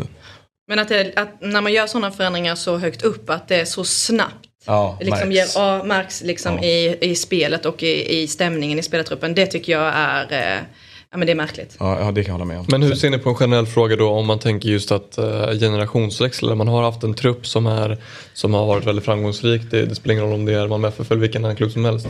Och så när, liksom, hur ser ni på liksom, hur ska man enklast, ska man då ta bort alla på en gång eller ska man fasa ut en efter en? Eller vad Nej det, är, nej, det är en helt omöjlig fråga att svara på tycker Mm. jag. Det är ju liksom, det är svårt att säga hur, exakt hur man ska göra det. Men man kan ju, man kan ju lätt konstatera tycker jag att de, den frågan är ganska aktuell här. Ja. Mm. Eh, Mm. Mm. Ställ samma fråga till Andreas, han sitter och lyssnar nu. God morgon Andreas Georgsson, sportchef i eh, MFF. Hur är läget med dig? Eh, god morgon. Jo, läget är väl helt okej. Okay. Men eh, dagen och dagarna efter en, eh, en eh, motgång eller förlust, de är ju tunga. Man sover lite sämre. Och det gör ont i kroppen och vi har ju eh, fått uppleva några sådana den sista tiden. Så att eh, man vänjer sig inte. Det gör ont. Um det är klart att det är ganska kraftfull kritik mot er nu eh, i klubben. Hur kommer det sig att ni har hamnat där ni har hamnat den här säsongen? Jag hörde lite vad ni pratade om här innan. Jag tror att det är en kombination av saker alltid. Dels så, så tror jag att det finns en del som har eh, gått och stört sig lite på. Att MFF har varit väldigt bra under en väldigt lång period. Helt eh, unikt decennium egentligen när det gäller sportslig framgång med sju SM-guld på tio år och tre Champions League-gruppspel och två slutspel i Europa League. Så det är väl lite så att, jag vet, det var någon journalist som sa till mig att Andreas, du måste förstå att, att framgång säljer inte för Malmö FF äh, eh, längre. Och jag tror lite det är en del i det, att det är många som nu känner att äh, det, nu är det dags att trycka till Malmö lite. Och sen så är det såklart vissa grejer som vi nu inte har fått rätt på. Vi har ju den här eh, sista månaderna eh, åkt på några smällar där vi kanske egentligen i match och spelmässigt har varit eh, bra och ganska dominanta och sen har vi gjort några eh, rätt stora misstag som har kostat poäng och sen har vi haft svårt att, att sätta dit eh, chanser i den utsträckningen som, som vi tycker att vi borde göra. Men Andreas, att, ligger inte egentligen kritiken i saker som inte är just här och nu utan att ni väljer Milos som tränare som står för den typen av fotbollen han gör och han pratar om att öka träningsdosen till ett lag som har en åldrande, eh, en åldrande spelargrupp där man vet att skaderisken ökar efter 26 och sådana saker. Att ni inte såg dem, den, liksom, den problematiken i det. Alltså hur tänkte ni, hur resonerade ni? Uh, alltså, det var inte så, jag, jag, vet att det var så uttalandena kom, det var inte så att det var en markant förändring i hur vi tränade den försäsongen. Vi tränade eh, lite mer, lite mer mängd. Uh, under hela den perioden när vi gjorde det, januari till april, så hade vi ett väldigt lågt skadekonto egentligen och sen så hade vi ett uh, extremt skadeläge i maj där det egentligen inte fanns någon onormal träningsmängd eller träningsintensitet. Så det, det totalt sett över våren som blev väldigt mycket prat om våra belastningsskador så, så, så blev vår analys att mängden skador var inte så annorlunda från de tidigare säsongerna vi har haft. Det var däremot så att de koncentrerades allihopa i stort sett kring eh, maj månad och några av våra eh, mest eh, liksom bevakade och tuffaste bortamatcher med AIK, Hammarby och, och eh, Djurgården borta under en väldigt kort period. Din... Eh, sen såklart vissa grejer, det, där är klurigt den här säsongen när vi visste att vi skulle spela mer intensivt och mer hektiskt än någonsin. Eh, på grund av ett komprimerat schema så gör man lite justeringar i upplägg och så tar man risk med hur vi belastar så är det, så är det alltid och det är klart att vi kanske också har gått lite fel eh, i, i någon situation, någon individs eh, belastning. Det gör du nog i stort sett varje år och att byta tränare innebär alltid en, en, ökad risk därför då ska man lära känna eh, grupp på, på, nytt och det är lite nya träningsmetoder. Så att det är klart att det är saker där, där vi självkritiskt tittar på men, men den här svartvit eh, förklaringen som kommer och som ofta kommer i samband med motgång eh, den är ofta lite förenklad.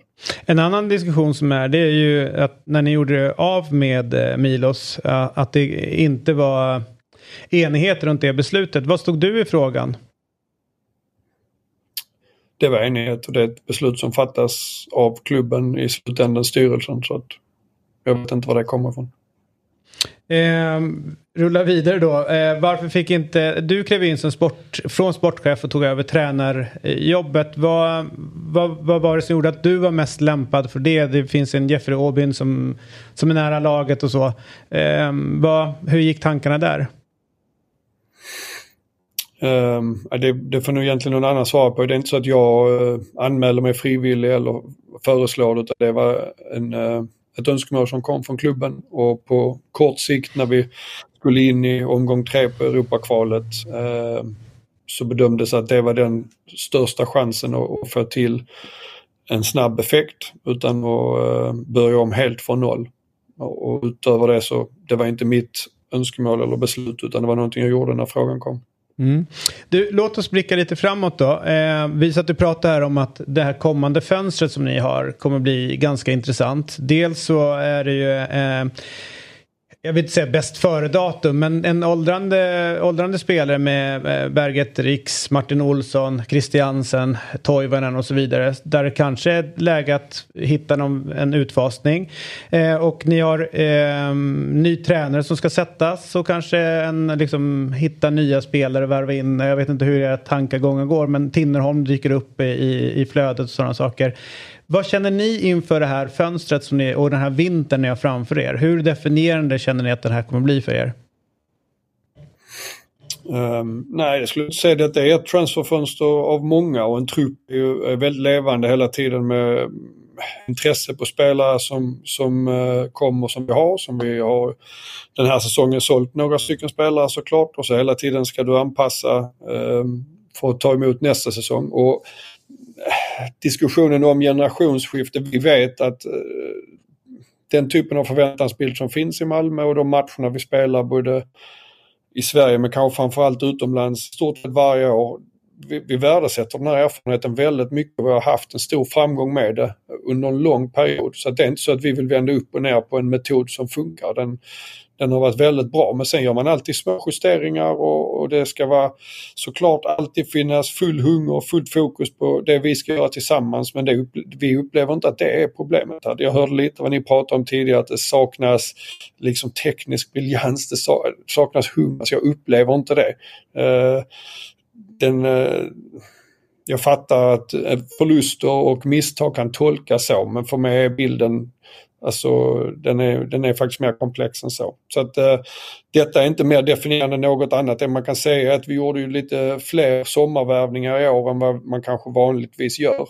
Eh, och det var dels för att hantera en väldigt intensiv höst men också för att förbereda för 2023. Så att en del av de värvningarna man kanske hade väntat sig skulle komma i januari skulle jag säga att vi gjorde redan i somras eh, därför att det passade in och, och de spelarna vi, eh, vi hittade tyckte vi eh, tajmingen var rätt. Um, det här med att eh, klubben växer, ni är ju, om man jämför med när vi gjorde Blågula drömmar tillsammans med dig, eh, så är det ju samma MFF men det är ju väldigt mycket större skrud ni har på er idag ändå. Eh, det här med att ni äger er egen arena, organisationen växer, det är fler väggar som sätts upp eh, på kontoren och, och, organisationen. Hur gör man för att inte tappa bort MFF-andan? Det som en gång byggde er till Sveriges bästa klubb. Det som en gång byggde upp er till den här positionen. Hur gör ni för att inte det ska gå eh, förlorat nu när ni har växt så pass mycket som organisation? Nej, men jag tror det finns en kultur eh, och stark eh, historia i den här klubben. Eh, men den, den kommer inte bara från de sista tio åren, den ligger ju tillbaks sen vi grundades 1910 och där har vi upplevt solsken och vi har upplevt motgång och det formar den kulturen. Eh, Eh, sen så har det varit en väldigt fin träff på det sportsliga de sista tio åren och det har byggt, eh, gjort, eh, fått oss möjlighet att bygga klubben robust ekonomiskt sett, att vi kan hantera eh, några sämre år utan att behöva vända upp och ner på, på riktningen och det är väl det jag tycker MFF har varit otroligt starka på, att inte låta de här intäkterna liksom för snabbt få kostymen att växa.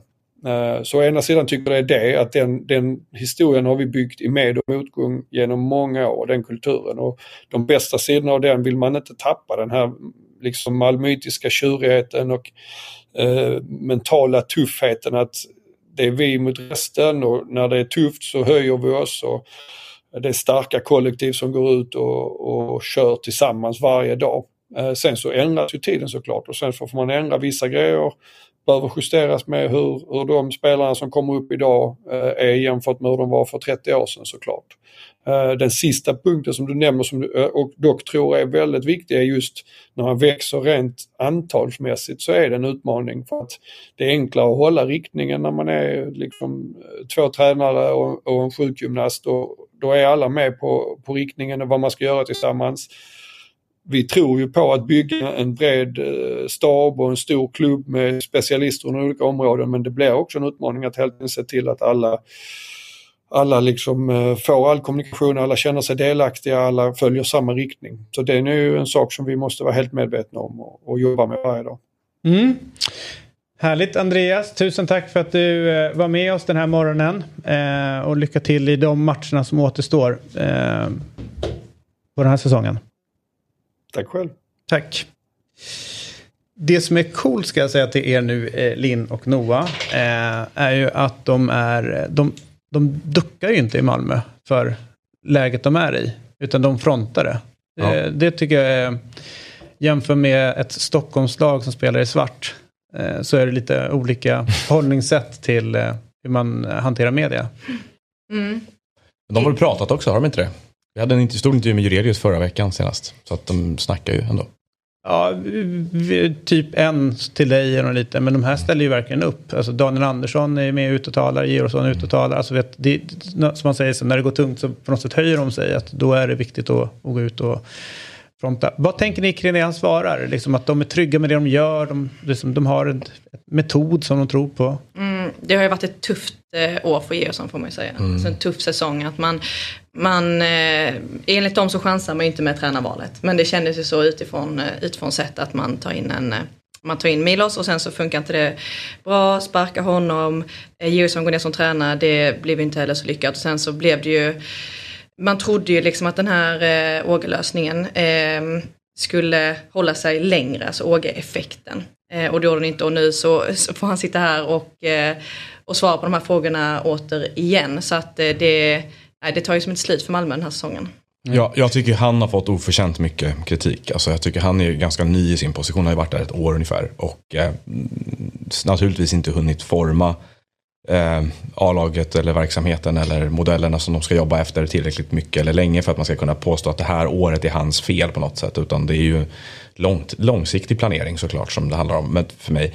Sen tränarvalen, det känns ju förhastat såklart att, att, att låta Milos gå med tanke på att problemen har bestått under tre olika tränare nu. Jag gör analysen att anledningen till att de tar in Åge på slutet är att de ser att det här är ett lag som vi har sett prestera under den här typen av tränare tidigare. De, vi kommer inte kunna ändra fotbollen speciellt mycket. De gjorde ju ändå rätt ingreppen i truppen var ju inte så stora men spelartyperna var ganska annorlunda. Både Zeidan och Ceesay och Siby när han kom då innan han skadade sig. Så att, eh, och Boetray också kanske då. Att det är ju inte riktigt spelare som passar in i den gamla kraftfotbollen som Malmö har spelat under. under alltså Åges lag är ju fortfarande kvar. Det är ju fortfarande som du sa Berget, Rex. Eh, alla de här spelarna, Christiansen som, som har varit där så himla länge. Eh, men, men att det, för vem som helst så är det ju tydligt att det här det är en, en spelargrupp, en kärna i den här truppen som är eh, närmar sig eller har passerat 34-35 år. Som har uppnått enormt mycket. Det finns frågor, frågetecken för en viss mättnad kanske. Eh, och att om de vill lägga om kursen och spela en mer framåtlutad, fartfylld fotboll, vilket det verkar som att de vill, så behöver de göra förändringar. Jag tror han säger det han kan säga här. Jag tror inte han, alltså, ärligt talat, jag tror att han, jag tror att det pågår säkert en hel del diskussioner de ska, hur de ska göra den här strategiska förändringen i vinter. Och det skulle inte förvåna mig, även om han menar att de värdesätter erfarenhet, vilket jag tror att de gör, att man måste kompromissa bort den eh, för lite andra värden om de ska gå till hållet de vill.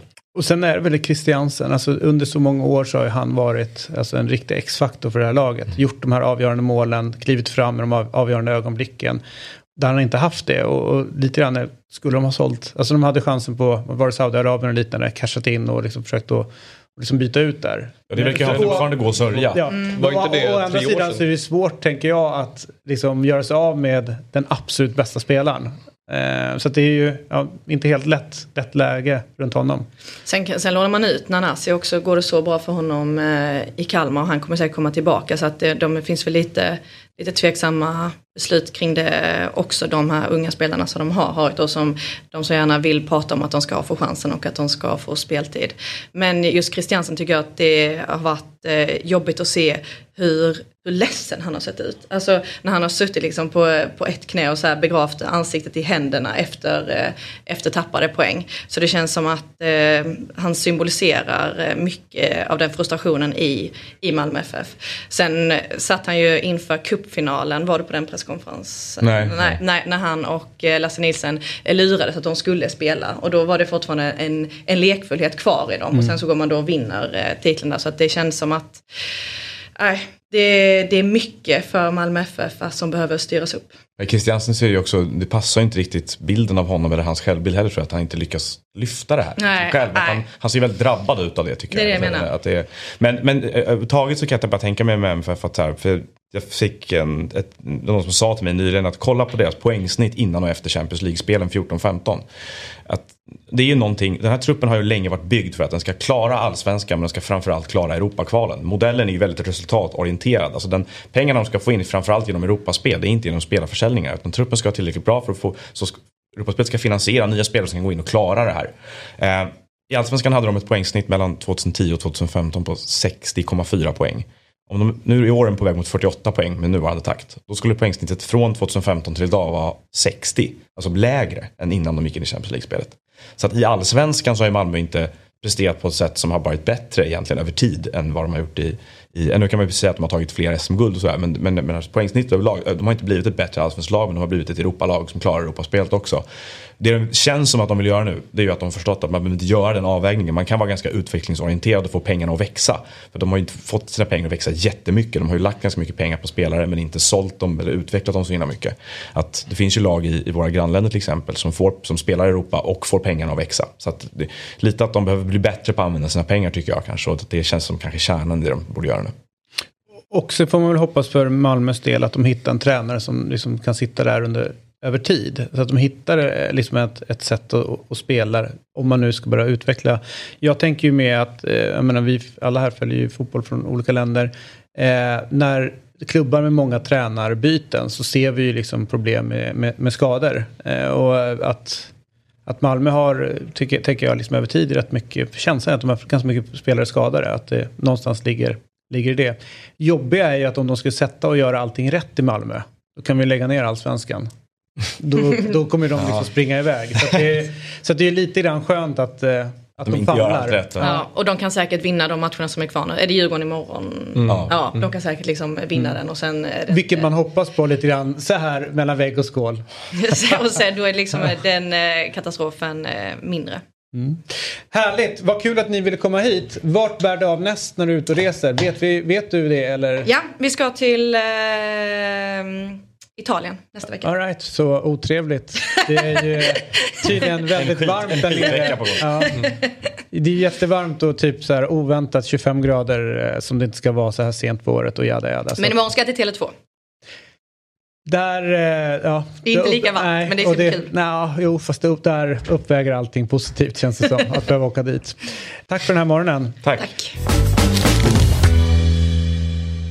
Imorgon så är vi tillbaka med Fotbollsmorgon. Och då kommer ju eh, Jesper hit, Niklas är här, Josefin är på plats. Eh, Petter Landén, han åkt på ett dagisvirus så att han ligger hemma. Så att eh, krya på dig Petter. Tack för det här Tack för idag. Hej då. Fotbollsmorgon presenteras i samarbete med Telia. Samla sporten med alla matcher från Uefa Champions League, Allsvenskan, Superettan och SHL i ett paket. ATG. Odds på Premier League, Allsvenskan och all världens fotboll.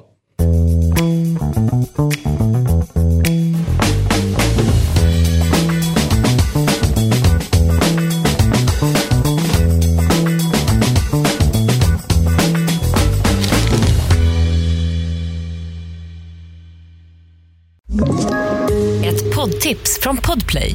I fallen jag aldrig glömmer djupdyker Hasse Aro i arbetet bakom några av Sveriges mest uppseendeväckande brottsutredningar. Går vi in med hemlig telefonavlyssning och, och då upplever vi att vi får en total förändring av hans beteende. Vad är det som händer nu? Vem är det som läcker? Och så säger han att jag är kriminell, jag har varit kriminell i hela mitt liv men att mörda ett barn, där går min gräns. Nya säsongen av Fallen jag aldrig glömmer på Podplay.